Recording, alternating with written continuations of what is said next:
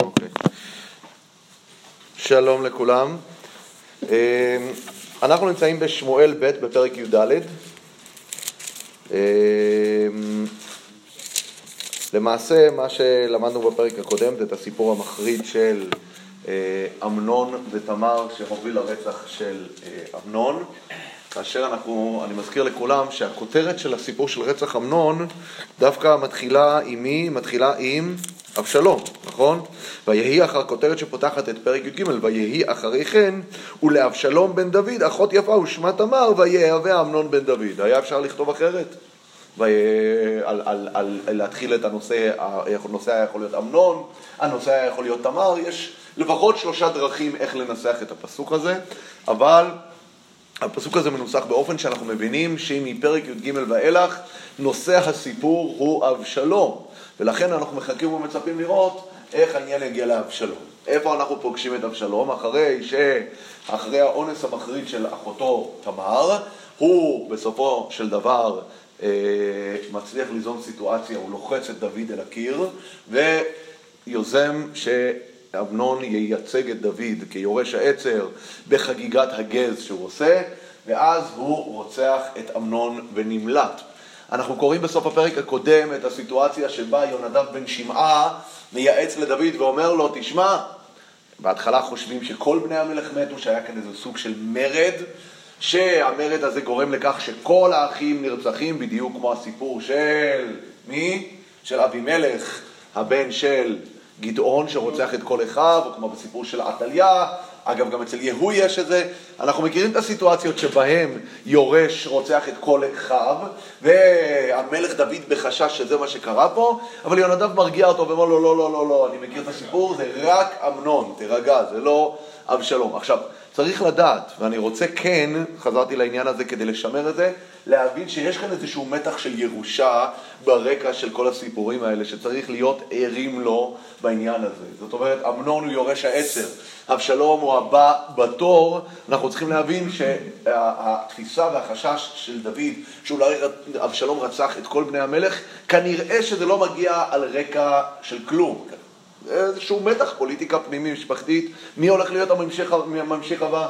בכל חצר של אדמו"ר בימינו אנחנו מכירים את המתח הזה שקיים, מי יהיה הבן היורש או הממשיך וכולי וכולי, אז גם פה זה קיים, על אחת כמה וכמה מלכות חדשה בישראל, יש כל סוף חצר, יש כוח, מוקדי כוח, שלטון, הון, עניינים, זה בוודאי יושב שם אה, חזק אה, מאוד. בסופו של דבר, והנקודה המשמעותית שעמדנו עליה ועוד נחזור אליה היום, זה שה... סיטואציה שבה אבשלום נאלץ לברוח, הוא לא נאלץ, כמובן זה חלק מהתוכנית שלו, הוא בורח לגשור, לבית של הסבא שלו, נכון? לתלמי, מלך גשור, שהוא האבא של מעכה, שהיא האימא של אבשלום. הסיטואציה הזו יוצרת מצב שבו דוד כביכול מפסיד שני בנים ביחד, ביחד באותו רגע. מה, איך הוא מפסיד שני בנים? את הבן האחד הוא הפסיד כי הוא נרצח, ואת הבן השני הוא מפסיד כי הוא ברח. אנחנו דיברנו על הביטוי הזה של לאה, למה אשכל שניכם יום אחד? זאת אומרת שאנחנו מבינים שסיטואציה שבה אח הורג אח היא סיטואציה שכביכול האימא, ההורים, לא רק האימא, הופכת להיות שכולה משניים. כי הילד שרצח, אין לו מקום כבר במשפחה, אין לו מקום או מבחינת החוק, או מבחינת הסיטואציה שאי אפשר לקבל אותו כבר, אי אפשר לחיות איתו ב... בשלום עם הנוכחות שלו, ולכן זה הופך אוטומטית לטרגדיה כפולה כשאח אה, אה, הורג אח. אה, ולכן אה, זה מביא אותנו לסיטואציה הזאת, ואנחנו ראינו את זה באמת בסוף הפרק הקודם, שהיחס בין דוד לבין אבשלום עובר שלושה שלבים. יש את השלב הראשון שתיארנו אותו, שזה השלב של האבל והאובדן. יש את השלב שבו דוד מתחיל להתגעגע, אבל הוא מכריח את עצמו להתרחק מאבשלום. יש את השלב האחרון שבו אנחנו מסיימים, שבו ממש דוד, ותכל נפש דוד, זאת אומרת דוד ממש אה, אה, אה, אה, קשה לו עם הסיטואציה שאבשלום לא נמצא איתו, ואני קורא את הפסוק האחרון של פרק י"ג, ותכל דוד המלך, ותכל כבלי ותכל דוד ותכל נפש דוד המלך, ותכל דוד המלך לצאת אל אבשלום כי ניחם על אמנון כי מת. ניחם על אמנון, אנחנו דיברנו על הפער הזה. אמרנו את הפער בין ניחם לבין אבל, נכון? יש את הניחם, זה, אה, יש את הסיטואציה שבן אדם אבל כל הימים, כמו שכתוב אצל יעקב על יוסף, ויש את הסיטואציה של ניחם, הכוונה היא שאתה, משתק, הוא משתכח מהלב שלך. התהליך שקורה כאן זה שאמנון, בגלל שהוא מת, אז באמת, האבל באמת לאט לאט אה, מתפוגג, ואמנון זה כבר מה שנקרא הופך להיות חדשות ישנות, זה כואב והכל, אבל זה כבר לא באותה עוצמה, ומצד שני, אבשלום שחי, דוד ממש משתוקק לראות אותו, כן. עכשיו אמרת, הוספת מילה נפש. נכון. זה חייב להיות נכון, כי אם לא, זה היה צריך להיות ויכל דוד. כן. אני אומר, יש כאן, איזה, יש כאן איזה מילה, אני לא יודע להסביר את זה, מה זה, אבל אני, אני עושה כאן השלמה משלי. ותכל אה, אה, נפש דוד, אני לא יודע להסביר למה חסר את המילה נפש פה, אבל זה נראה לי ה, ה, ה, המשמעות פה, לצאת, הנפש יוצאת, זה נשמע ממש, המילה חסרה פה, אבל אין לי הסבר למה המילה הזאת נשמטה. בכל מקרה, אז אנחנו עכשיו נמצאים בתחילת פרק אה, אה, י"ד, ובואו נראה. וידע יואב בן צרויה כי לב המלך על אבשלום. יואב בן צרויה. מה, איך הוא קשור לפה? יואב בן צרויה יודע. איך הוא יודע? הוא פוליטיקאי, אתה אומר, הוא מצליח, הוא, יודע לקחת סיטואציה ולנצל אותה, בוא נראה. אבל זה מאוד מעניין שפתאום יואב משתרבב פה לסיפור, מה יואב, איפה, איפה היה הפעם האחרונה ששמענו על יואב? זה החטא של דוד ובת שבע שם, הוא עושה את מה שצריך, אבל לכאורה יואב לא קשור כאן לעניין, נכון? אבל יואב נמצא פה. וידע יואב בן צרויה כי לב המלך על אבשלום. וישלח יואב תקועה. הוא שולח למקום בשם תקועה, אנחנו יודעים איפה זה תקועה, נכון? ו... איפה זה נאבד לי? ויקח משם אישה חכמה. ויאמר אליה, התאבלי נא, ולבשי נא בגדי אבל, ואל תסוכי שמן. אגב, אומרים אל תסוכי שמן, זה מאוד מעניין פה, כי תקוע זה נחשב המקום שבו יש את השמן הכי טוב בארץ ישראל. תקוע נחשבת המקום שזה נקרא אלפא לשמן, המקום שממנו מגיע השמן הכי איכותי, אז הוא אומר לה, את מגיעה מתקוע, מתקוע כנראה יש לכם שם הרבה שמן והרבה פסמים, אל תשימי שמן. ואל תסוכי שמן, והיית כאישה, זה ימים רבים מתאבלת על מת, תעשי את עצמך כאישה שכבר המון זמן מתאבלת. ובאת אל המלך, ודיברת אליו כדבר הזה. מה זה הדבר הזה? אנחנו נראה עוד רגע. וישם יואב את הדברים בפיה, אוקיי? עכשיו, זה מאוד, אה, מאוד מעניין, זאת אומרת, הוא קורא לאישה חכמה, למרות, אגב, למה היא אישה חכמה? אפשר לקחת שחקנית, נכון? כל שחקנית יכולה לביים כאן את הסיפור שהולך להיות, אבל הוא חשוב לו אישה חכמה, כי כמובן זו סיטואציה שהיא נכנסת עוד שנייה למלך, היא הולכת לשחק את עצמה, להתחזות לאישה אבלה בתוך הסיטואציה, אבל המלך יכול להפתיע אותה בשאלות ובדברים כמו שאנחנו נראה, והיא צריכה להיות אישה חכמה ונבונה שמבינה את הסיטואציה הזאת. זה גם כנראה, אה, לא בכדי הוא לוקח אישה, נכון? לאישה יש את היכולת באמת לפרוט על הרגשות של אה, אה, גבר. אנחנו יודעים שלנשים בכלל יש תפקיד מאוד מעניין בספר שמואל, בתור האלה שיודעות לרכך את המצב. אצל אביגיל, לדוגמה, אנחנו יודעים, אביגיל, דוד המלך בדרך ללכת ולנקום בנבל הכרמלי כמו שצריך. אביגיל היא זאת שמגיעה ומרככת. אנחנו נלמד גם בהמשך בפרק כ' על האישה מאבל אה, מעכה, האישה שמצליחה למנוע את ההרס של עיר שלמה במרד של שבע בן בכרי, על ידי זה שהיא מסגירה את שבע בן בכרי וקוטעת את המרד.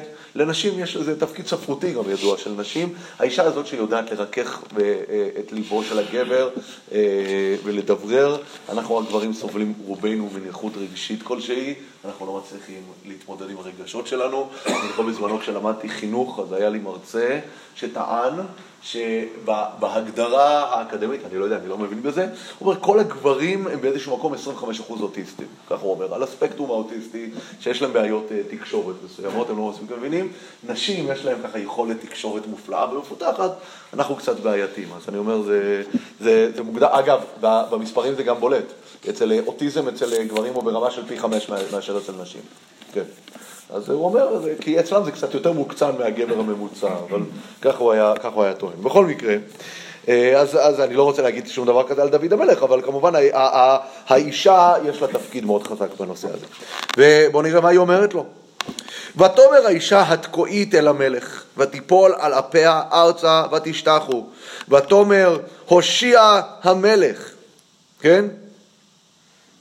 מה זה הושיע המלך? נופלת ארצה ותאמר הושיע המלך, אנחנו נראה גם בהמשך שהאישה בעצם באיזשהו מקום לא רצו לתת לה כל כך אה, לפגוש את המלך. זאת אומרת, זה לא, זה לא שבדיוק היה לה את היכולת כאן, מה שנקרא את ה-schedule a meeting, ללכת, לקבוע והכל, כי אישה רגילה ופשוטה, זה מאוד קשה ומאוד אה, זה להגיע למלך והכל. אנחנו נראה, היא צריכה באיזשהו מקום קצת להתפרץ, קצת להגיע באופן קצת פחות רשמי, כדי לתת למלך את התחושה שיש כאן כאב כל כך גדול, כל כך ספונטני, שזה פשוט מתפרץ אל המלך, וזה מתפרץ אל המלך ברמה שהיא כאילו מתנצלת, אחר כך אני מתנצלת שלא עשיתי את התהליכים הפורמליים, לא קבעתי פגישה ועברתי את הסידורי ביטחון ואת כל הדברים, זה קצת נראה כמו משהו כזה off the record כזה.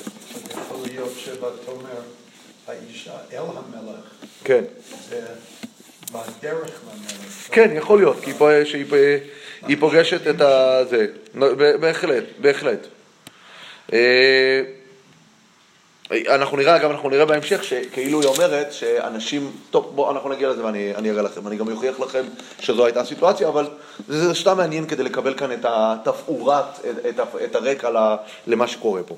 ואתה אומר, הושיע המלך, זה כאילו, נתאר לעצמנו את האישה שנופלת שם ומתחננת, אנא הושיעני. ויאמר לה המלך, מה לך? נכון, מה זה מהלך? זאת אומרת, הוא רואה כאן אישה ש, שנופלת, שבורת לב, היא כנראה הייתה שחקנית טובה, מה לך? ואתה אומר, אבל אישה אלמנה אנוכי. מה זה אבל? אבל, מה הפירוש של המילה אבל? מה זה אבל? מה הפירוש של המילה אבל בעברית? מישהו יודע? אבל זה האמת. זה כאילו, תמיד אנחנו אומרים, תשמע, המקום הזה הוא מקום נפלא, אבל יש בו בעיות א', ב', ג', אבל הכוונה היא האמת. כן? זה אומר, זה מה שאמרתי קודם, זה לא... כן, זה תמיד, זה כמובן, זה מילת ניגוד, אבל, נכון. אבל כאן היא אומרת, אבל אתה אומר האמת, כאילו, אבל האמת, אישה אלמנני וימרת אישי. זאת אומרת, קודם כל, היא צריכה להוסיף כאן עיטורים לסיפור. אני, ואנחנו נראה, זה מאוד חשוב הסיפור הזה, שבעלה מת, עוד שנייה נבין למה, אבל היא אלמנה.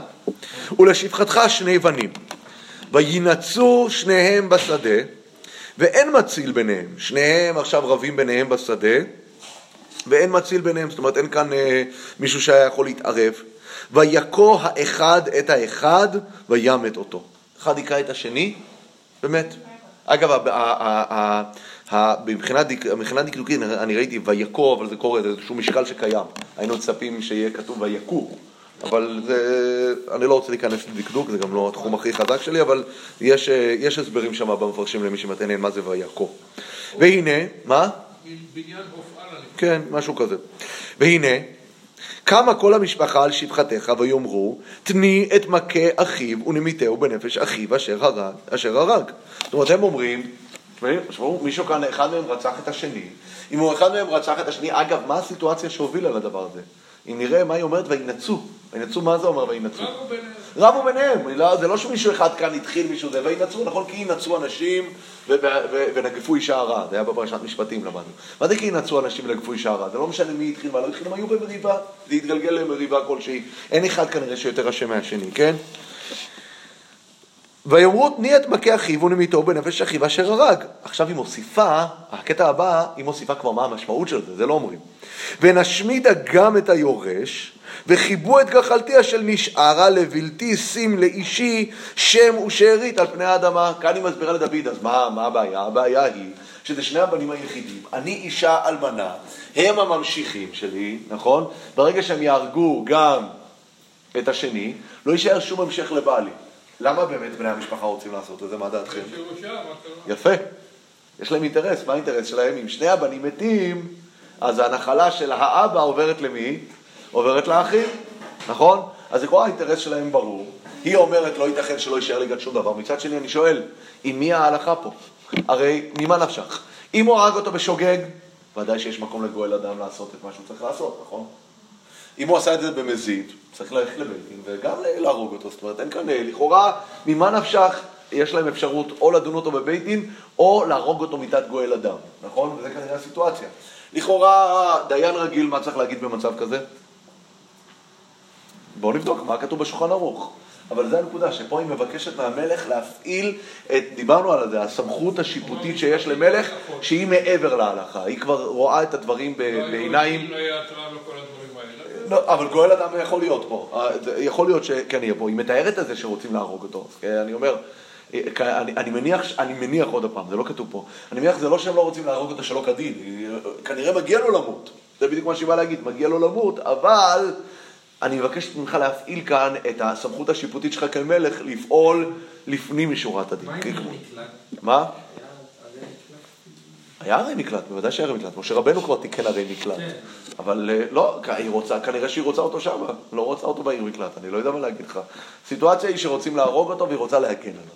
היא רוצה להגן עליו, היא לא רוצה שהוא יעבור את הפרוצדורה של גואל אדם והרי מקלט, ויחכה עד שהכהן הגדול ימות. אה, היא רוצה אותו בבית. מה? זה סיפור, זה לא זה לא מבטא עליה מקלט. בסדר. הוא אומר שדוד יגיד לה, שדוד יגיד לה שילך לעיר מקלט, מה הבעיה? אני לא יודע, זה לא לא נכנס כאן לפרטים האלה. נכון, נכון. ויאמר המלך על האישה, שימו לב, שימו לב מה- מה- מה אומר ה- הדבר הזה. קודם כל, בואו בוא, בוא ננסה לנתח את ה- את הסיפור פה. רגע, תראה, מבחינת הגדרה, זה כבר באה ואמרה, לא, זה היא כבר באה ואמרה. הסיפור כאן, יש מקומות שהתנ"ך מתאר מה הוא אמר לה לומר ומה היא אמרה. כמו שאיפה אנחנו מכירים את זה? אצל אליעזר עבד אברהם. כאן אין את החזרה הזאת, ההפך. כאילו מה שכתוב, כתוב בפסוק ג' שימו. ובאת אל המלך ודיברת אליו כדבר הזה, וישם יואב את הדברים בפיה, ואחרי זה אנחנו קוראים מה היא אמרה למלך, אנחנו מבינים שזה מה שיואב אמר לה לומר. עכשיו, אני לא יודע להגיד, אגב, זה מעניין. סתם, ברמת ה... ה- ה- לשאול האם יואב אמר לה מילה במילה, או שהוא אמר לה, את אישה חכמה, את שחקנית כנראה אה, מנוסה, כנראה התנסית בתיאטרון, את יודעת לעשות את ה- את האילתורים, את האימפרוביזציה ש- שאת רוצה, וזה הקונספט, תרוצי איתו קדימה כמו שאת רוצה. לא יודע, אין לי מושג מה, מה, מה זה. מה? דוד בת שבע. הוא- נכון, עם השליח ששלח לדוד, נכון, נכון. אני לא יודע אם פה יש לה עניין, כי כנראה פה הוא שכר את שירותיה, כאן היא, כבר אין כאן אה, בעיות כאלה, אבל עוד פעם, זה לא שליחות קלה, כי זה, גם כאן יש כאן שליחות מאוד מעניינת שצריכה לשים את המלך במקום, נכון? רוצה קצת לאפס אותו. אנחנו מכירים שנתן עשה את הדבר הזה. בכל מקרה, אז מה אומר כאן, ה... אה, מה אומרת האישה, ושימו לב שכמה דברים מאוד מעניינים בסיפור. קודם כל, כמו שאמרנו, שמדובר כאן שיינצו שניהם בשדה, אם הם שניהם ניצים בשדה, מה זה אומר? שאין כאן לכאורה שם ספציפי. הנושא של הירושה כאן, גם, כמו שאמרתי, אישי, להקים שם לנחלת, כל הדברים האלה, נותן את התחושה שיש, האנשים שרוצים להרוג אותו, הם מונעים ממה? מתאוות בצע, הם רוצים בסופו של דבר לר- לרשת את הנחלה, אז אני אומר, גם האנשים כאן, זה לא בדיוק צדיקים גדולים שרוצים לדאוג שההלכה תתקיים כמו שצריך. עכשיו, עוד דבר שגם נראה כאן מאוד בולט, שהאישה אומרת, זה לא אני, אני רוצה לדאוג למי? לשם של בעלי. זה כביכול, היא מציירת כאן סיפור שכל המרכיבים שלו אמורים לגרום למי שעומד מולה להבין שהסיטואציה כאן היא לא הסיטואציה הרגילה של אדם שהרג אדם, שבו מה, אני אומר, תשמע, הדין של גואל אדם חייב לפעול פה. לא, לא, לא, זה לא הסיטואציה. גם האנשים פה שרוצים להרוג את, ה, את, ה, את האח השני, הם לא בדיוק עכשיו חפצים בדיוק לקיים את ההלכה של גואל אדם ועיר מקלט. הם רוצים את הכסף, נכון?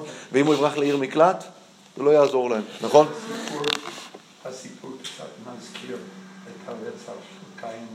יפה, יפה, אנחנו נדבר על זה. נדבר על זה, נדבר על זה. עכשיו, האמת היא, ויש כאן עוד, אה, עוד סיפור שקצת אה, מזכיר לנו, הסיפור של הסבתא של דוד. הרעיון, הרי מה אנחנו רואים פה? הרעיון זה רעיון שחוזר על, על עצמו הרבה- מקומות, שמי שאין לו בנים, זה כאילו השם שלו נמחא. נכון? זה כאילו הנחלה נעלמת, השם שלו נמחא, נכון? זה כל הרעיון של הייבום, נכון? שלא יימחה השם בישראל. זה הרעיון שאנחנו יודעים שכתוב, ונתתי להם בביתי ובחומותיי יד ושם, טוב מבנים ומבנות וכולי וכולי, כן? הרעיון הזה שאגב, אבשלום עצמו, אנחנו מכירים אחר כך, שהוא מקים לעצמו את אותו יד אבשלום, כדי לעשות לעצמו שם כי אין לו בנים. בנים זה ההמשך, זה השם שיש לך אה, אה, אה, אה, בעתיד, וכשאין לך את הדבר הזה, אה, ובמיוחד במצב שיש לך ילדים ולוקחים לך אותם, זה כאילו מוחק שם ה- אה, האדם. עכשיו, הסיטואציה פה היא באמת מאוד דומה ל- ל- לאותה, לאותו לחץ שיש אצל אה, נעמי ורות להקים שם. לדבר הזה אנחנו נראה איפה אנחנו נשתמש בהשוואה המעניינת הזאת. אגב, סתם אנקדוטה מאוד מעניינת. היא באה כאן למלך, איך היא לבושה? איך היא לבושה? הוא אומר, לבשינה בגדי אבל, אל תסוכי שמן, והיית כאישה זה ימים רבים מתאבלת על מת. נכון? אנחנו יודעים שכתוב במקום אחר, אין לבוא אל בית המלך בלבוש שק, נכון? איפה זה כתוב? במגילת אסתר, ההפך, זאת אומרת, לכאורה זה לא מכובד, לפחות בחוקי פרס אנחנו יודעים שאי אפשר לבוא למלך בצורה כזאת. יש לזה משהו יפה לראות שמלך בישראל זה קצת פחות, אה, יש חוקים פחות נוקשים דווקא. זאת אומרת, כן נותנים לבוא בלבוש שק. אגב, בבית המקדש גם יש את ההלכות האלה שכהן לא יכול לבוא באבלות ובדברים כאלה, אבל כאן זה מאוד יפה, זאת אומרת, בית המקדש זה משהו אחר, אבל פה, בסופו של דבר, מלך נועד לעשות צדקה ומשפט, להישאר. אגב, יש עוד מקומות בתנ"ך שאנחנו רואים שנשים פוגשות את המלך באופן בלתי פורמלי, לא, ב, לא, ב, לא, לא, לא בצורה הזאת, זה קורה גם אצל אחאב, אנחנו רואים את הדברים האלה. אז, אז זה, זה סתם מעניין לראות שדווקא בשונה מפרס, ששם לא באים בבגדי שק, כאן אפשר, אה, אה, מלך בישראל יכול לקבל נשים גם בלבוש שק. עכשיו, האמת היא, כמו שאתה אמרת, הסיפור הזה הוא סיפור שבאמת גם מאוד דומה לסיפור של קין והבל. ומה זה דומה לקין והבל? שימו לב. קודם כל, כמובן, אח שהורג אה, אח, נכון? זה מאוד דומה אגב בתיאור. מה כתוב אצל קין והבל? ויהי בהיותם בשדה, ויקם קין אל הבל אחיו ויהרגהו. מה כתוב כאן? וינצו שניהם בשדה. היא לא סתם כנראה אמרה בשדה, הם יכלו לריב גם בבית, הם יכלו לריב בקניון. לא יודע איפה הם יכלו לריב, בהרבה מקומות הם יכלו לריב. אבל הם רבו בשדה, אז הוא אומר, זה, זה היה, זה היה אה, בשדה, נכון? ויקוע אחד את האחד וימת אותו, נכון? אני חושב שהעניין שאין אפשרות אחרת שיהרגו אותו, רק אם אתה תהרוג אותו. אם בשדה אין עדות הדברים האלה, אוקיי. לא רואה את זה לבית דין, כמה זה לא אותו. יכול להיות, יכול להיות, זאת אומרת שזה מחוץ לטווח הזה. עכשיו עוד דבר מעניין, כן? יש את הבקשה בשני הדברים האלה, למרות שהאח אחד רצח את השני, יש בקשה של רחמים על הרוצח, נכון? אצלנו יש את הבקשה ש... כדי לעשות שם ושארית לבעלה, היא רוצה לחוס על הרוצח, וגם אצל קין, קין אומר, גדול עווני מנשוא, גירשת אותי היום מעל פני האדמה, מה, מה יישאר לי, נכון? אז גם בשניהם יש בקשה לחוס ולחון את הרוצח. אה, זה... כן. לפי חז"ל, אה, לא יודעים אצל קין והבל מי היה הצדיק ומי היה הרשע. נכון. כי שניהם נחלקו לגבי מי, מי ייקח את... היה שם, כן, היה שם מחלוקת, מחלוקת על חלוקת העולם, כן, וינצו, אתה אומר זה קצת דומה, זה קצת דומה לוינצו, יפה. עכשיו למה באמת עושים את הדבר הזה? זאת אומרת, יכול להיות שהאישה בכוונה אומרת את זה כדי להגיד, הנה, יש לזה תקדים, לא כל פעם שאח הורג אח, מיד הורגים את האח השני, זאת אומרת, אתה יכול אה, גם אה, אה, להסתבך על התקדים, ותקדים מהשופט הכי גדול, הכי גדול, נכון? השופט כל הארץ, שופט כל הארץ, שהקדוש ברוך הוא, בפעם הראשונה שהיה רצח בהיסטוריה, הרי זה רצח בדיוק מהסוג הזה, ומה? והקדוש ברוך הוא חנן את הרוצח. יש כאן אולי גם עוד רמיזה, שאצל קין והבל, מה היה העונש בסופו של דבר של קין?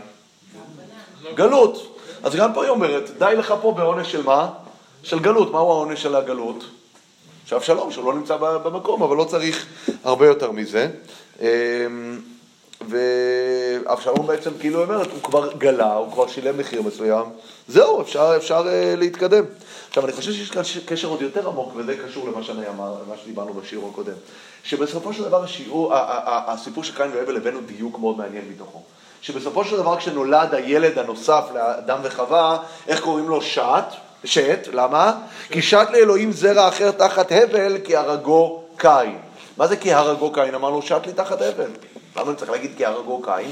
אז אנחנו הסברנו והבאנו ראייה גם מהסיפור באמת של עשו ויעקב, שציינו את זה עכשיו, למה אשכל שניכם יום אחד, שכשאח הורג אח, בעצם האם היא שכולה משני ילדים, וגם פה בעצם רוצה להסתמך על התקדים הזה של קין והבל ולהגיד שבעצם כשאח אחד הורג אח יש כאן כבר כל כך מחיר גדול וכבד ש, של, של הכאב הזה של ההורים שאח אחד, אה, כן, אח אחד כביכול עשה כאן פעולה של הרג ואין לו מקום, בוא דוד, תנסה להתגבר על זה, תנסה לתת כאן את ההזדמנות לאבשלום כדי לא להעצים את האסון שגדול כבר ממילא בזה שאמנון עצמו מת. אני רוצה קצת, מה שנקרא, לקרב אותו לתחושה הזאת של בוא, בוא לא ננסה לייצר כאן אובדן כפול, בוא ננסה, אה, מה שקרה קרה, לפחות שלא, שלא תפסיק גם את אבשלום, כמו שאמנון בעצם כבר נאבד ואין דרך אה, חזרה. אז עכשיו זה מאוד מעניין, אם נתקדם מפה ונראה את המסע, יש שאלות אגב עד לפה? אם נראה את המשא ומתן עכשיו שיש בין האישה לדוד, זה מאוד מאוד מעניין, בואו נראה. אז המלך שומע, ואז הוא אומר, ויאמר המלך אל האישה, לכי לביתך ואני אצווה עלייך. מה זה ואני אצווה עלייך? נדאג לך. כאילו, מה הוא אומר לה? אל תדאגי, יהיה בסדר, יהיה בסדר, ככה הוא אומר. נכון, אנחנו מכירים את זה, מכירים את ה"יהיה בסדר". מה היא אומרת לו האישה? האישה הזאת היא לא פראיירית. ותאמר האישה התקועית אל המלך, עליי אדוני המלך העוון, ועל בית אבי, והמלך וכיסאו נקי. מה היא מתכוונת להגיד? כאילו היא מריחה והיא אומרת, שמע, אני מרגישה שאתה מנסה, מנסה למרוח אותי כי אתה בא ואתה אומר לעצמך, תשמע, היה כאן רצח, רצח זה רצח, על רצח יש מחיר. יותר מדי, אתם צריכים להאמין שבתפיסה המקראית, אנחנו מכירים, יש משפטים מאוד חמורים בספר ויקרא, ולארץ לא יכופר כי אם וכולי, איפה אני רשמתי את זה לעצמי. ולא תחניפו את הארץ אשר אתם בה, כי הדם הוא יחניף את הארץ, ולארץ לא יכופר לדם אשר שופך בה, כי אם בדם שופכו. אני לא רוצה לדבר על זה בהקשרים שמדברים היום על עונש מוות למחבלים וכולי וכולי וכולי, אבל בתפיסה המקראית האדמה, כל דמי אחיך זועקים אליי מן האדמה, האדמה שטובעת את אדם, אתם צריכים להבין שזה לא רק דבר שנוגע מהרצח הראשון בהיסטוריה, יש איזושהי תפיסה שזה מאוד מעניין לדבר עליה, מה זה התפיסה הזאת של אדמה שטובעת את, את הדם, זה כאילו, אני תמיד הבנתי את זה באיזושהי תפיסה שהאדם הגיע מהאדמה, נכון? ובאיזשהו מקום, כאשר אדם לוקח אדם אחר ומחזיר אותו לאדמה, אז כאילו האדמה אומרת לו, אתה לא זה שתקבע פה. מי, נמצא למטה ומי נמצא למעלה. זה לא אתה קובע, וכאילו האדמה באה כמי שהיא הייתה מקור האדם במושג של הבריאה, וטובעת את דם הרוצח.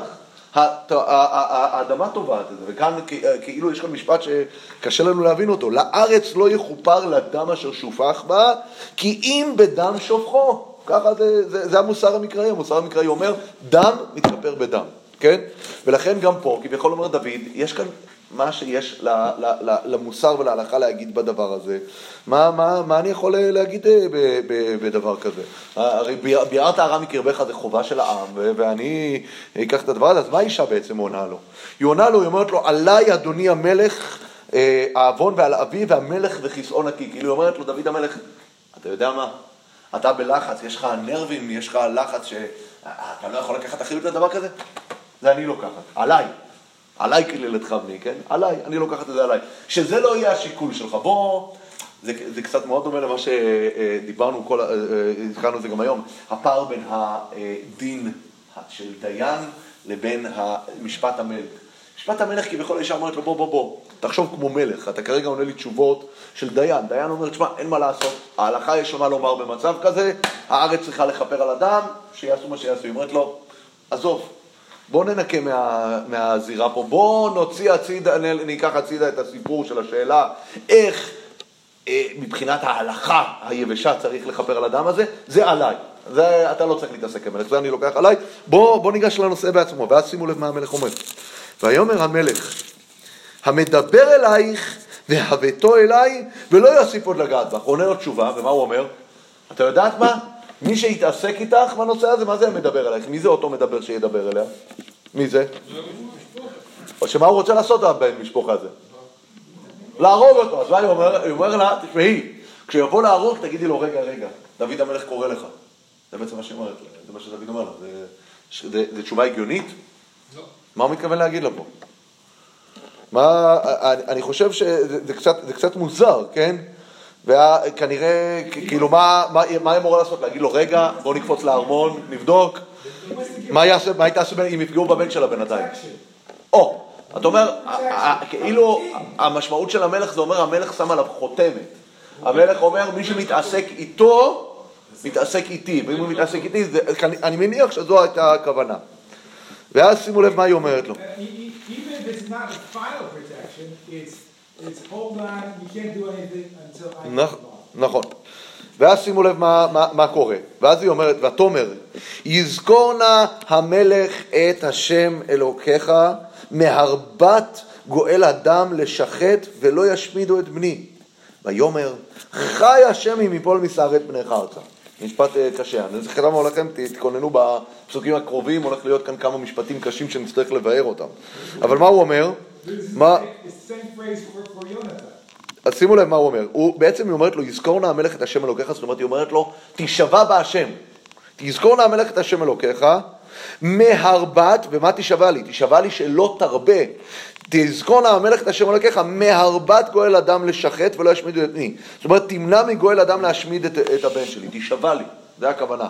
תזכ, יזכור, כן? יזכור נא המלך את השם אלוקיך, תזכיר את השם ותישבע, מהרבת הכוונה היא מלמנוע, את, מלהרבות את אה, אה, גאולת אדם לשחט ולא ישמידו את בני, ואז מה הוא איך אני יודע שהוא יבקש ממנו את השבועה? כי זה מה שהוא עונה לה, ויאמר, הוא באמת מזכיר את שם השם כמו שהיא ביקשה, ויאמר, חי השם, חי השם זה לשון שבועה, נכון? חי השם, כתוב בחי השם כאן, כמו שהשם חי, ככה אני נשבע, אם יפול משערת פניך ארצה, כאן הוא כבר ממש אה, נשבע לה, זאת אומרת, מעניין, זה עובר כאן לשלב, אה, זה עובר כאן כמה שלבים, בשלב הראשון הוא אומר לה, הכל יהיה בסדר, נכון? בשלב השני, מה הוא, מה הוא, אומר, מה, הוא, מה הוא אומר לו? הוא אומר לה, אני אקח חסות, נכון? המדבר אלייך והבאתו אליי, אנחנו לא הבנו כל כך מה הכוונה של זה, אולי הכוונה שיקח חסות. בזה השלישי הוא כבר נשבע לה, הוא אומר לה, זה תראי את העניין הזה כמסודר. זאת אומרת, היה כאן שלוש פעמים אה, הלוך ושוב, את הפינג פונג הזה בין המלך ל, לאישה. אגב, זה מאוד מעניין, אם אנחנו נספור כאן, תוך כמה פרקים, כמה פעמים דוד המלך, בתוך ויכוח עם אנשים, מוותר. בואו נשים לב. אה, זה, זה, זה מעניין מאוד לראות מה, מה, מה קורה פה.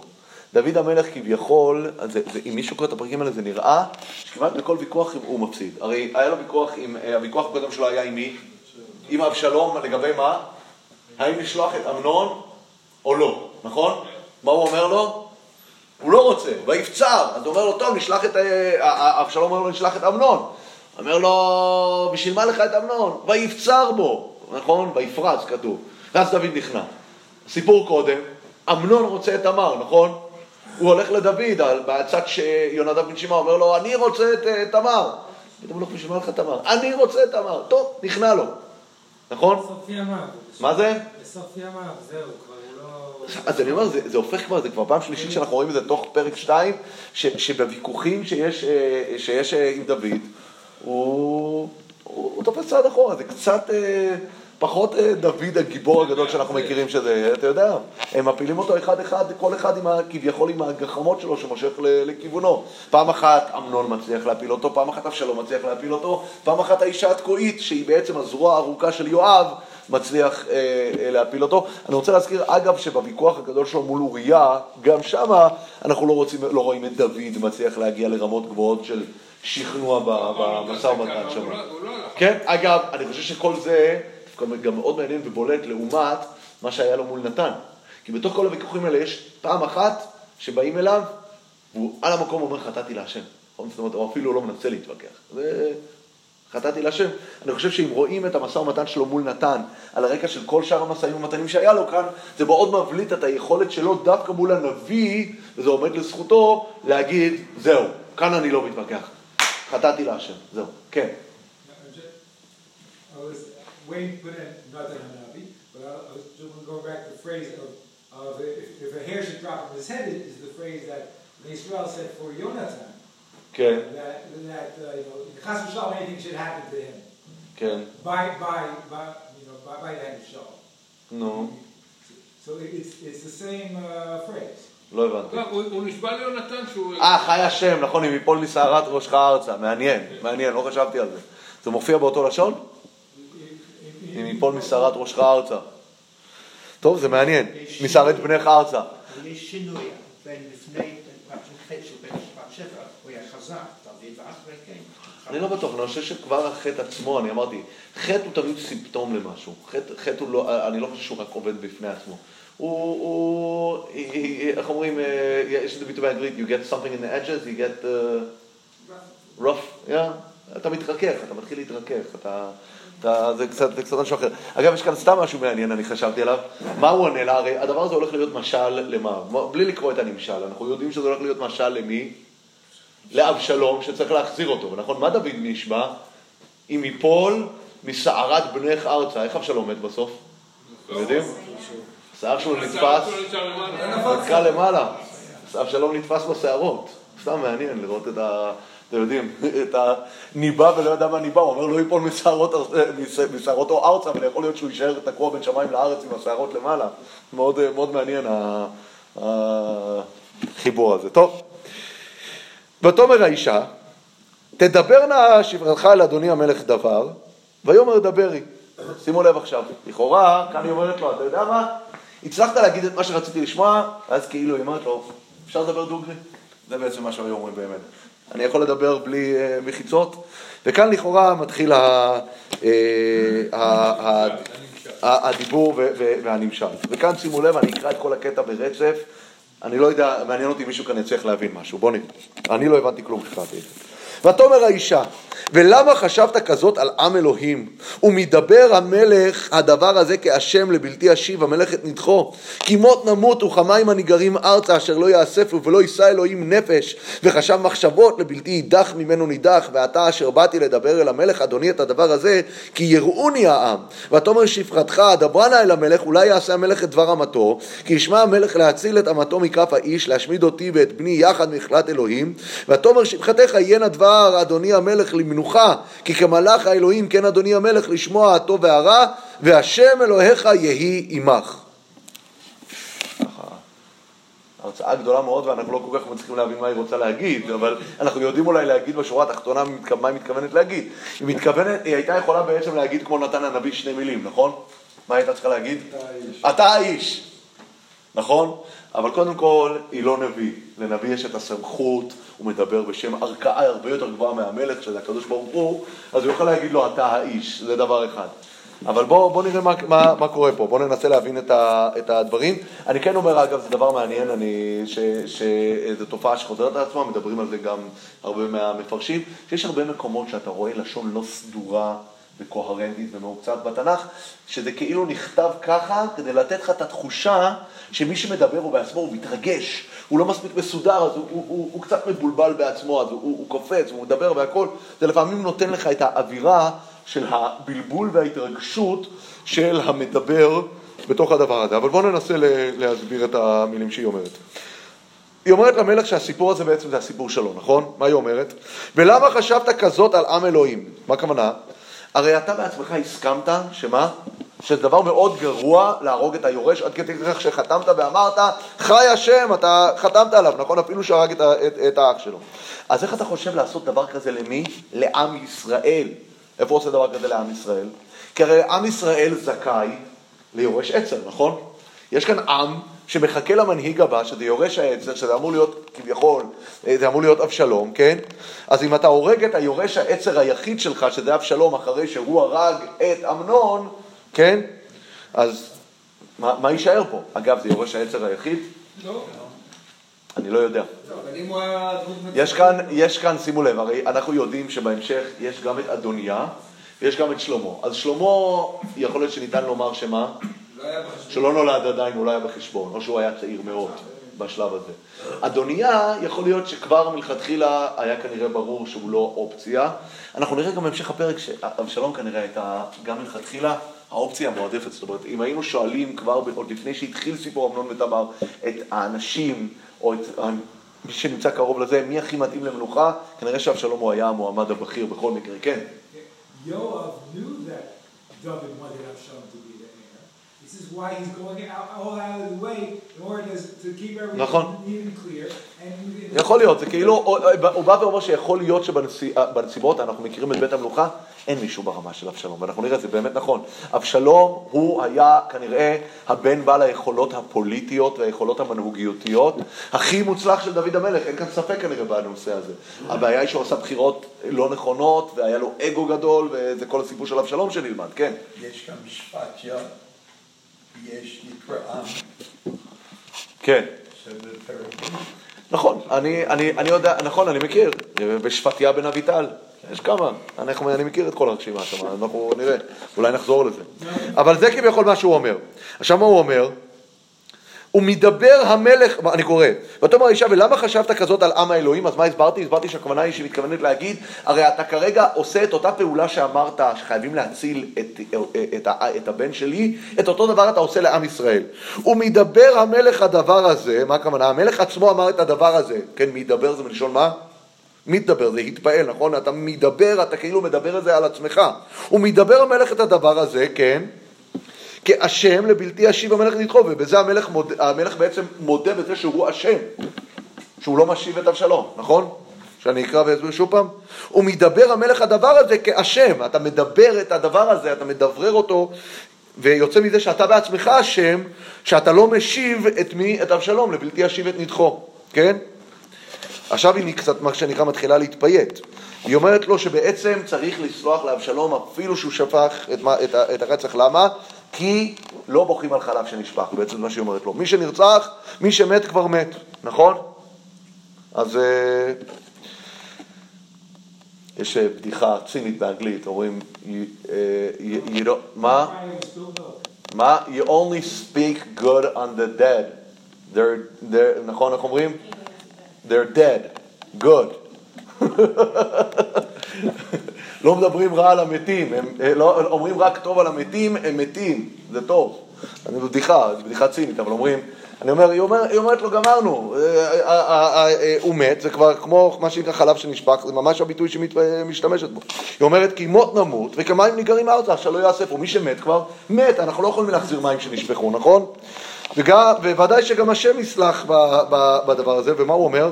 מה היא אומרת? ולא יישא אלוהים נפש וחשב מחשבות לבלתי יידח ממנו יידח, זאת אומרת, היא אומרת שבסופו של דבר, הקדוש ברוך הוא בעצמו גם רוצה את התוצאה הזאת, שלמרות שהיה כאן רציחה, מה שקרה קרה וחייבים לתת כאן את ההמשך אה, של הדברים האלה. עכשיו, היא, בהמשך היא מתנצלת ועל ה, כביכול על החוצפה שלה. היא אומרת, ואתה, אשר באתי לדבר אל המלך אדוני את הדבר הזה, זאת אומרת, היא בלחץ, היא נותנת מוסר כאן למלך. נתן לא צריך להתנצל, נכון? נתן מדבר בשם הקדוש ברוך הוא. היא כביכול מי היא? אז היא אומרת, ואשר דיברתי את הדבר הזה, אז היא מתנצלת, כי יראוני העם. היא אומרת, העם הפחידו אותי. מי זה העם הפחידו אותי? זה מה שאמרתי בהמשך, שכתוב. אותם האלה שאמרו לה, אין לך מה להיכנס למלך, תעזבי, אין לך סיכוי איתו, תעזבי אותו במנוחה. אני, זה מה שהסברנו הרי כשהיא נכנסה למלך בהתחלה, שהיא כביכול קצת מתפרצת, היא קצת אה, פועלת באופן בלתי פורמלי, זאת אומרת, כי יראוני העם. זאת אומרת, אני הבנתי שאני עושה כאן משהו לא בסדר, משהו שחורג מה, אה, אה, מהפרוטוקול, כן? ותאמר שפחתך דברה נא אל המלך, אולי יעשה המלך את דבר אמתו. אמרה, אבל אני לקחתי את ההזדמנות באופן בלתי פורמלי לדבר איתך אה, דוגרי. כי ישמע המלך להציל את אמתו מכף האיש, להשמיד אותי ואת בני, יחד מנחלת אלוהים.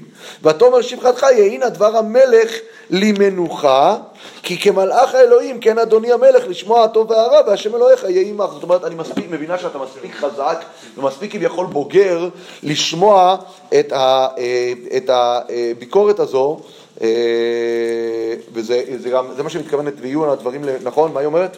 למנוחה. מה היא מתכוונת למנוחה? ראיתם? ואתה אומר, יהי לה דבר אדוני המלך למנוחה, זאת אומרת, זה יביא גם אותך, היא אומרת זה לטובתך, זה ירגיע אותך, זה יביא אותך למנוחה, כן? עכשיו, מה, מעניין מה קורה פה, מה ממשיך המלך, עכשיו סיימנו קצת להסביר קצת באופן מילולי, מה זה? אז זהו, כאן זה קצת מבלבל, זה נראה שהיא חוזרת כביכול למשל, כאילו המשל הוא אמיתי. לא יודע, זה מאוד מעניין, היא אומרת, כי ישמע אדוני, אה, אלא מה זאת אומרת, אני חושב שהיא מתכוונת להגיד, כמו ששמעת למה שאמרתי על הנושא של הילדים שלי, ככה תתרגם את הנמשל אל עצמך. אני לא מתכוונת להגיד עכשיו שהסיפור שסיפרתי הוא אמיתי. בשלב הזה הרי היא חושפת שזה הכל משל. היא אומרת, באותה מידה שהצלחת בסיטואציה שלי להתכנס ולהבין את הסיפור הזה, תתרגם את זה גם למושגים שלך. אולי עומדת מאחורי המשל שלה ואומרת... כאילו עד הסוף היא לא מספרת לו שזה היה בלוף, בוא נראה, אבל נראה שדוד המלך עולה על זה, נכון?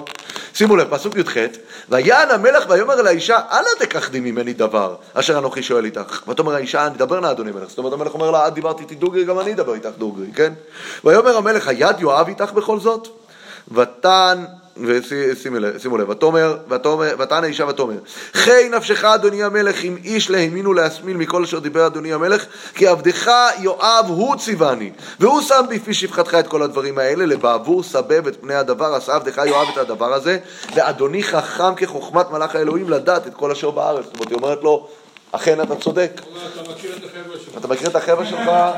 ובאמת מי שעשה את זה זה אכן אה, יואב. עכשיו, האמת היא שצריך לשים לב לכמה נקודות מאוד מעניינות פה בהקשר הזה. קודם כל, איך דוד המלך מבין שזה יואב? כי זה השיטה של הבני צרויה. מה? הם- הם- הם עושים את הכל, הם- הם הם מתכמנים את ה... אתה אומר שהם תח- תחמנים, אני חושב שיש כאן משהו קצת, אה, קצת יותר בעניין הזה, בדבר הזה, אני אגיד לכם את האמת, אולי צריך להקדים כאן נקודה. אני מאוד מרגיש פה, וזה עוד פעם, זה כבר תיאוריה, זה היפותזה, אולי, תסכים אולי לא, שהסיפור כאן יושב על, באמת על איזשהו מאבק ירושה, כן? עכשיו, אנחנו רואים הרי גם במשל, המשל הוא, במשל שהאישה אומרת, מה האישה אומרת? האישה אומרת, שמע, אמנם יכול להיות שעל פי דין מגיע, לה- מגיע, לזה, מגיע לו- לאח ההורג שיהרגו אותו. היא אומרת, אבל אלה שרוצים להרוג אותו, מה השיקול שלהם? שיקולי ירושה. בעצם היא באה ואומרת לו, גם כשהיא מתרגלת על משל, אדוני המלך, כשאתה רואה כאן סיטואציה שיש מישהו שרוצה שאבשלום יהיה רחוק, היא אומרת לו, מה היא אומרת לו? תבדוק מי זה שמרוויח מהסיטואציה. מי הוא זה שמרוויח פה מהסיטואציה שאבשלום לא נמצא בשטח? היורש השני, מי זה היורש הבא? אדוניה. אדוניה, אדוניה הוא המרוויח הגדול, נכון? אז בעצם היא אומרת לו, מה שנקרא, תלך אחרי חוש הרח ותבין שיש כאן מישהו. עכשיו, זה לא כתוב כאן בשום מקום, אני רק אומר, זה, זה, זה כביכול, היא רומזת לו, אדוניה כאן מקדם את, ה, את העניין הזה. עכשיו, זה מאוד מעניין, כי בסופו של דבר, בתחילת ספר מלכים, מי הוא התומך הגדול של אדוניה? יואב. כאן לכאורה, יואב עושה פעולות כדי, מה לעשות, להחזיר את אבשלום. אז לא הבנתי, יואב תומך באבשלום או תומך באדוניה? זה קצת מבלבל. כאן הוא לכאורה חוסם את אדוניה. יואב תומך בבית המלוכה, כשהוא תומך באדוניה זה אחרי יפה, יפה, אני רוצה להגיע לזה, תשובה נכונה, תשובה נכונה, יפה, יפה, יפה מאוד, יפה מאוד. אז שימו לב, זה דבר, מאוד מעניין. בעצם זה, זה אנחנו מבינים שלאדוניה יש אינטרס שאבשלום לא יחזור, ויכול להיות שהוא קשור כאן ומסובב פה, ויכול להיות שכל הסיפור שנלמד כשנגיע יום אחד למלכים א', פרק א', ונלמד את הסיפור של אדוניה, נצטרך לדפדף אחורה ולהגיד, יכול להיות שאדוניה כבר בחש בקדרה והתעסק עם הפוליטיקה של הירושה כבר אז. וכבר אז הוא זה שכל הזמן ניסה לחמם את דוד ולהגיד מה פתאום, אבשלום גמור, אסור לו לחזור, ככה הוא בונה לעצמו את ההמשך. עכשיו, מה זה? הוא לא, זה לא מוזכר. לא... לא, השם שלו, לא... אני אומר, אני, אני, אין לי, אין לי תשובה שלמה פה. השם שלו. לא מוזכר, זה נקודה. הנקודה היא שבמשל פה זה מאוד בולט שהיא אומר, האישה אומרת, תראה, במקרה שלי, האנשים שרוצים להרוג את, ה, את הילד הזה מונעים משיקולי ירושה. אז גם אצלך תחשוב שזה לא כל כך פשוט. זה בעצם מה שהיא רוצה להגיד לו. זה גם כנראה שם שיקולי ירושה. אם תסתכל בפסוק, כל האותיות של אדוניה נמצאות בפסוק. כן. אפילו יכול להיות תמצא לפי הסדר. שנייה, אני רק רוצה לסיים. אני חושב שיש כאן גם עוד נקודה סתם מעניינת, אני אמרתי, שהסיפור הזה קצת מזכיר את הסיפור של מגילת רות, לפחות לי זה מצלצל ככה. הרי גם במגילת רות יש אח, שיש יש איש, ויש לו שני ילדים. שני הילדים מתים שם באמת, נכון? ואז צריך לעשות חסד מאוד מאוד מאוד גדול כדי לדאוג מה לעשות, להקים שם ושארית לאחד מהילדים, נכון? שהיא הייתה דרך אשתו שהיא הבן של אחד הילדים. כביכול גם האישה קצת זורקת לדוד פה, אל תשכח את הסבתא שלך, הסבתא שלך הגיעה לעולם דווקא בגלל שבסיטואציה של משפחה שכמעט נכחדה, היה מישהו שהצליח להסתכל מעבר, גם שם אגב זה קצת מעבר לפורמליות ההלכתית. מישהו, הרי אנחנו יודעים שהאח שם השני שלא גואל, פלוני נכון? אלמוני. פלוני אלמוני, שהוא אגב לא קיבל שם כי הוא לא הקים שם, נכון? אז אה, אה, אותו אח פעל לכאורה לפי הדין ולפי ההלכה, הוא אומר אני לא יודע, הסיפור הזה של מואבי, לא מואבית, קשה, מסובך, אני לא רוצה להיכנס לזה, דווקא בוע- בועז היה לו את היכולת ואת האומץ להיכנס לזה, כאילו היא אומרת לדוד, תסתכל קצת מעבר ל, ל, ל, ל, לדבר הזה שהחסד שעשו עם המשפחה שלך בהקשר של הקמת שם, זה מה שהביא אותך לעולם, בוא תשתמש ב, ב, בדבר הזה. אבל בכל מקרה, אם נחזור לעניין הזה של אדוניה, ואני שואל, וכמו שאמרת באמת יפה, איפה יואב נמצא בסיפור הזה? אז אני חושב שיש כאן סתם איזשהו, מאוד מעניין לראות את הפער בין דוד לבין יואב בדברים האלה. אצל יואב, יואב תמיד מאוד נאמן לבית המלוכה, מאוד נאמן למדינה, לאינטרס הלאומי, נכון? עכשיו, מה הוא אומר? הוא אומר, הרצח, שה- מה שהיה בין אמנון לבין אבשלום, הוא אומר, זה עניין פרטי. זה עניין פרטי שכרגע אה, אתה צריך לבודד את זה ולהגיד שהאינטרס של המדינה שיהיה רצף הנהגתי, שאבשלום יירש את אביו וימשיך את שושלת המלוכה באופן יציב, ולכן בואו נפריד בין הדברים. בעצם מה, מה אני אומר? באופן פורמלי אבשלום הוא היורש, בואו ניתן לו את המפתחות, נכון? עכשיו, בסופו של דבר, יואב, שהוא זה שגורם שאבשלום יחזור, הוא זה שבסופו של דבר מה עושה? הוא מוציא להורג את אבשלום. עכשיו שימו לב מה קורה שם שוב פעם. האינטרס הפרטי של דוד המלך, מה אומר? לאט לכם לנער, נכון? דוד המלך לפני שהורגים, לפני הקרב האחרון, הוא נותן הוראה לא לפגוע באבשלום. ההוראה הזאת היא הוראה נכונה ברמה הלאומית? לא ולא. היא הוראה נכונה ברמה הפרטית, ביחס של בין דוד לבין אבשלום ברמה האישית. שוב פעם מה עושה יואב? מעדיף את האינטרס הלאומי על האינטרס הפרטי האישי, נכון? ומה הוא אומר? הוא אומר לא, לא, האינטרס הלאומי צריך, אה, צריך לנצח. אותו דבר קורה בפעם השלישית עם אדוניה בתחילת ספר מלכים, נכון? שבסופו של דבר גם שמה, אה, אה, אה, אצל, אצל אדוניה, אדוניה הוא היורש החוקי, נכון? אדוניה לכאורה הוא הממשיך הטבעי, הוא הבא בתור, אבל שיואב תמיד מתייצב לטובת האינטרס הלאומי הממלכתי. שמה הוא כן טועה. למה הוא טועה? כי שמה בסופו של דבר זה כבר הקדוש ברוך הוא מתערב ומשנה את הסדרים. אבל גם שמה, בסיפור של אדוניה צריך להבין שעל פי סדר הירושה הרגיל והטבעי, אדוניה היה צריך להמשיך. זאת אומרת שיואב מתייצב תמיד לצד היורש הטבעי. היורש שצריך צריכה להיות לפי הסדר, והוא באופן פורמלי עומד לצד המלוכה. ולכן באותה מידה אנחנו רואים שהוא באמת, יש כאן איזושהי נקודה שהוא כביכול מעל לאינטרסים אישיים, יואב. מעל לאינטרסים אישיים. דווקא בקטעים האלה זה מעניין, כמעט בכל הפעמים, דוד נמצא בצד שמתווכח איתו. דוד כאילו נמצא בפן האישי, נכון? אנחנו רואים שפה כביכול הסיפור האישי אצל דוד, הוא אומר, שמע, אבשלום ואמנון, הכאב והדברים האלה, גובר על האינטרס הלאומי. שם אצל אבשלום אנחנו רואים אחר כך שדוד מבקש להגן עליו. אבל אגב, הפער הזה בין היחס של המקום האישי שלך לבין האינטרס הלאומי, דיברנו על זה הרי גם בהקדמה לחטא דוד בבת שבע. ודיברנו על זה שזה בדיוק המקומות שבהם דוד המלך גם נופל, אבל גם מתעלה. הרי להתייחס לפן האישי ולהתנתק מה, מהמקום הלאומי, לפעמים יכול להיות לזה את היתרון, את היכולת שלך לבודד את הסיטואציה, להגיד כן, אבל פה צריך לעשות את הדבר הנכון ברמה האישית. הרי דיברנו על זה שפרק אחד לפני, פרק שניים לפני חטא דוד ובת שבע, אנחנו רואים שדוד המלך רוצה לעשות, עושה חסד עם שני אנשים, נכון? מי הם שני האנשים שדוד עושה איתם חסד? בפעם הראשונה הוא עושה חסד עם מי? עם מפיבושת, הבן נכה הרגליים של יונתן, נכון? ובפעם השנייה הוא עושה חסד עם מי? עם חנון בן נחש. מה אנחנו ראינו שם? ראינו שם ששם דוד נופל. למה דוד נופל? כי אצל חנון בן נחש, מה האינטרס הלאומי של עם ישראל? להילחם. בחנון בן נחש. למה? למה להילחם, להילחם בו? אבא שלו היה רשע מרושע, אבא שלו עלה על אנשי יבש גלעד רק כמה שנים קודם לכן עם שאול, ואיים לנקר עין של כל אנשי יבש גלעד שייכנעו לו בצורה מחפירה, שתהיה חרפה, ממש ככה. אבל בסופו של דבר, מה אמרנו? היה לו שם איזשהו חשבון אישי של לעשות חסד עם חנון, עם חנון בן נחש, בגלל משהו שעשה איתו, ומה קורה שם? דוד חוטף על הראש, נכון? מה עושה חנון? הוא מבזה את השליחים של דוד וזורק אותם חזרה, זורק אותם חזרה לדוד. בפרק לפני כן, עם יונתן בן שאול, שם הוא באמת פועל מתוך אינטרס לאומי, אינטרס שטיפה לפשר את הצדדים, יש שם עדיין את הצאצא האחרון לבית שאול, טיפה לנסות לייצר איזשהו גשר בינו לבין בית ישראל, לכן אמרנו שגם הכתובים מציינים את זה שמה, שבכל הפרשה של דוד מול חנון בן נחש, מה כתוב? מופיע דוד רק בשם שלו דוד, לא כתוב דוד המלך. בפרשה של, של, של דוד מול יונתן, הבן של יונתן מפיבושת, מה כתוב? דוד המלך. זאת אומרת, שהפסוקים באים להגיד לנו, יש מקומות מסוימים שדוד מתפקד כדוד המלך, ויש מקומות מסוימים שדוד מתפקד כדוד האיש הפרטי. עכשיו, פה אני אומר, זה בדיוק השאלה בדברים האלה, כי יואב זה מעניין לראות שבהרבה מהמקומות האלה, וגם, אגב, אנחנו אמרנו, זה חלק מהנפילה של חטא דוד ובת שבע.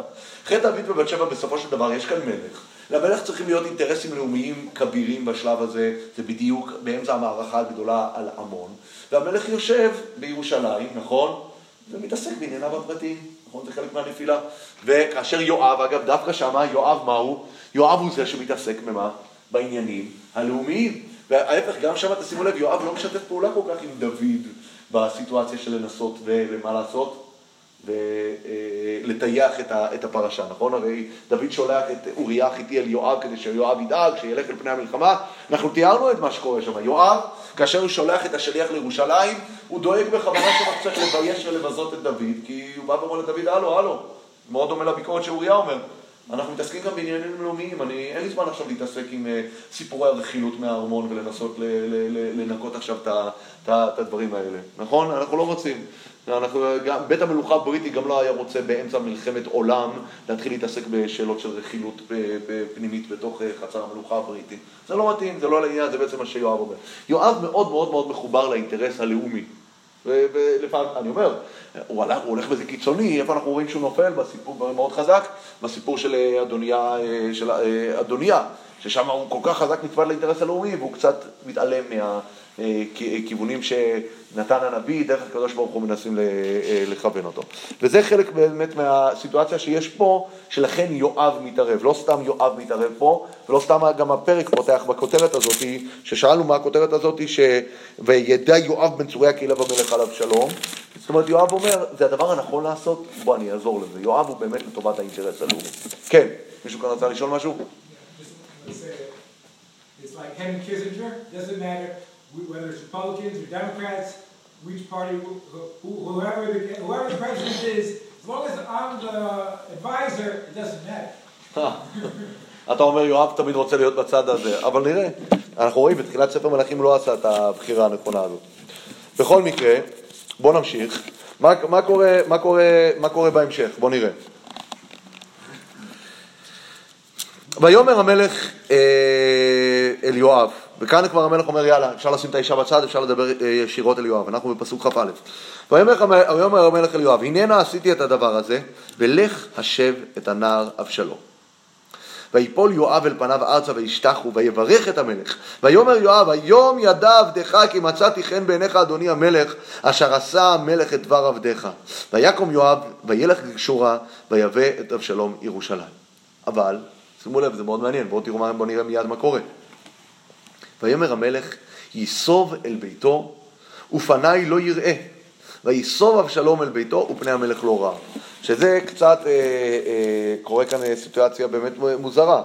כי דוד בעצם, כביכול שוב פעם, שוב פעם נכנע למישהו שמנסה לשכנע אותו לעשות משהו, נכון? הוא מחזיר את יואב, אבל הוא קרוע, הוא עדיין לא שלם עם ההחלטה הזאת, אז הוא, הוא עושה כאן לכאורה איזושהי טעות אסטרטגית, כי מה האינטרס להחזיר את אבשלום לירושלים אם אתה לא רואה את, את פני המלך? אז, ומצד שני אתה ממשיך להיות מתוסכל כי אתה מתגעגע לאבשלום, עכשיו כולם מתוסכלים, אתה מתוסכל, אבשלום מתוסכל, כולם, כולם, כולם, כולם מתוסכלים, ולכאורה אתה נמצא כאן בסיטואציה לא פשוטה, כן. יכול להיות. אני חושב שיכול להיות שזה שוב פעם משרת כאן את האינטרס קצת של יואב, ואנחנו נראה את זה גם בהמשך, כי מבחינת יואב, יכול להיות שהנראות, מה שנקרא לייצר שקט בגזרה, ככה העיתונאים לא יכולים לשאול. הרי העיתונאים לא יודעים שבתוך המלך אה, מבפנים, המלכה ו princess דיאנה are not speaking, נכון? אנחנו יודעים שהרבה שנים זה הלך שמה, אז אולי כאלה שהצליחו את ה peek in, את ה Buckingham Palace, ידעו ככה להגיד שהם מסוכסכים והם לא מסתדרים ולא הכל. אבל כל עוד דיאנה גרה בתוך הארמון והכל בסדר, אין לעיתונים מה להגיד, נכון?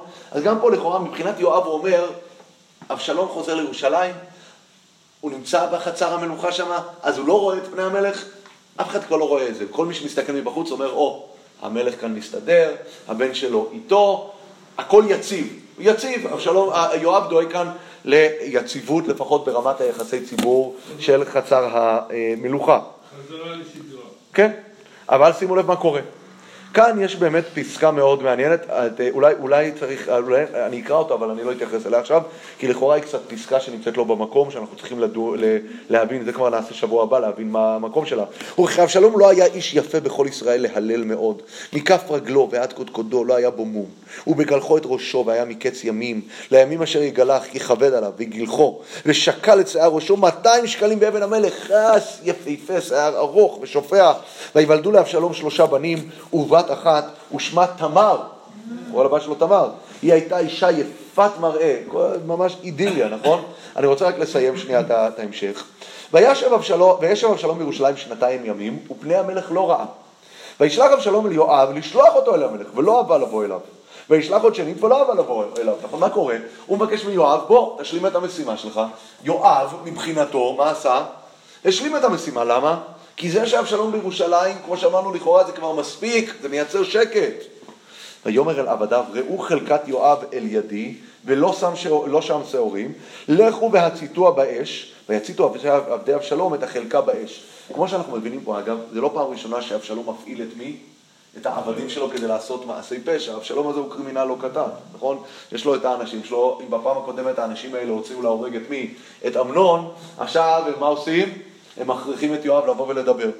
ויקום יואב ויבוא אל אבשלום הביתה, ויאמר אליו, למה הציתו עבדיך את החלקה אשר לי באש? ויאמר אבשלום אל יואב, הנה שלחתי אליך לאמור, בוא הנה, ואשלחך אותך אל המלך לאמור, למה באתי מקשור?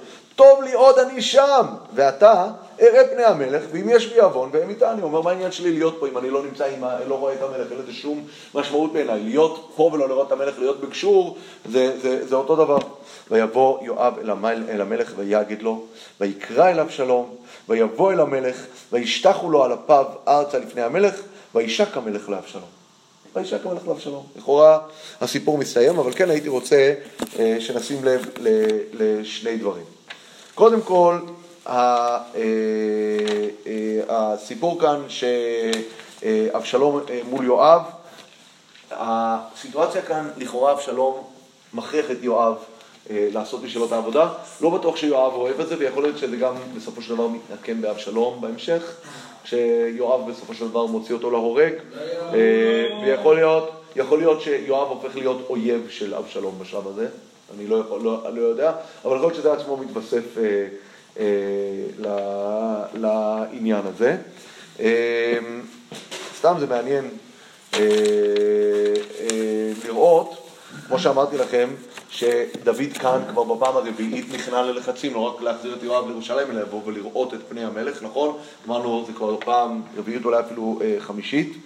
אה, זה מאוד מעניין שגם פה אנחנו אה, רואים אה, אה, את הביטוי של שלח, שלח, שלח, שחוזר על עצמו בקטע האחרון של הפרק, נכון? ויאמר רב שלום אל יואב, הנה שלחתי אליך לאמור, הנה בוא ואשלחך אותך אל המלך, כן? ואז ויבוא, ויקרא אליו שלום ויבוא אל המלך וכולי וכולי. זאת אומרת, שוב פעם אנחנו רואים את השורש של השלח, שאנחנו יודעים שהוא מאוד דומיננטי בסיפור של דוד ובת שבע, איך שזה אה, חוזר על עצמו, אבל שוב פעם, דוד, לאורך כל הסיפור כאן, אנחנו רואים שדוד מזמן לעצמו את הצרות. אם הוא זה ששלח את אמנון ישירות, את תמר ישירות למלטעות של אמנון, הוא זה שאחר כך שלח את אמנון ישירות למי? למלטעות של אבשלום. עכשיו מה הוא עושה? הוא מכניס את עצמו לתוך הבור הזה עם אבשלום, כי אבשלום בירושלים, זה הולך לזמן לו צרות צרורות. אם אבשלום היה נשאר בגשור, המצב יכול להיות יותר טוב. שוב פעם, כביכול, הוא עושה, אני רק רוצה לסיים שנייה ואחרי זה. מעניין שהיועצים, הם עושים את הפוליטיקה. נכון. זאת אומרת, כשהמלך עובד לבד, הוא נופל. נכון, אגב, זה דיברנו על הנושא הזה, שיועצים הולכים להיות מאוד דומיננטיים בסיפור, יכול להיות שזה גם חלק מההיחלשות של דוד. לא רק שכל פעם בוויכוחים מישהו אחר מנצח, עכשיו כל מיני אנשים מתחילים להפעיל אותו, אם זה, אם זה יונדב בן שמעה, ועכשיו זה יואב, ובהמשך זה יהיה היועצים וכאלה, דוד כבר הופך להיות יותר פסיבי ויותר אה, מופעל. יש דבר מאוד מעניין שהנשיקה פה היא קצת נשיקה קרה, היינו מצפים, נכון, מה כתוב אצל יעקב כשהוא פוגש את יוסף? מה הביטוי? ויפול על צוואריו, ויבך על צוואריו עוד. כאן נשיקה. בונז'ור. זה נראה קצת אה, אה, אה, אה, ריק, אבל אני חושב שגם חלק מהפסיביות שאנחנו מזהים כאן אצל דוד זה קצת הקדמה למה שהולך לקרות עם אבשלום בזה הבא, כי אבשלום הוא פוליטיקאי, יש לו חושים חדים, והוא מריח אה, את החולשה פה. הוא מריח את החולשה פה, ולכן הוא חושב, הוא, הוא זה, ש, זה, זה מה שקצת מתחיל להבשיל אצלו את הדבר הזה. יש כאן הרי מנהיג חדש, כריזמטי, יפה תואר, גבוה לכאורה. הוא ממש יש לו את כל הדברים האלה. אה, אנחנו יכולים ללמוד מזה שבאמת... זה, זה קצת הולך לדוד מרים כאן לאבשלום להנחתה לדבר הבא. אנחנו נצטרך בשבוע הבא לחזור לקטע שקצת קראנו אותו כאן במהירות ולהבין באמת למה הקטע הזה נכנס שם. כי לכאורה הקטע שם שמספר לנו מיהו אבשלום, היה יכול להיכנס אולי לפני הסיפור, או אולי לפני תחילת המרד. כאן לכאורה באמצע רעה כותב להכניס ולספר לנו מיהו אבשלום, מה הרקע שלו, מה הייחודיות שלו, כמה הוא יפה, כמה הוא מדהים במיוחד ואיזה ילדים יפים ומוצלחים יש לו. לא כל כך ברור מההקשר, אני, אה, אה, אה, אנחנו כבר... אנחנו כבר אחרי תשע וחצי, אז על זאת ועוד בשיעורנו הבא. תודה.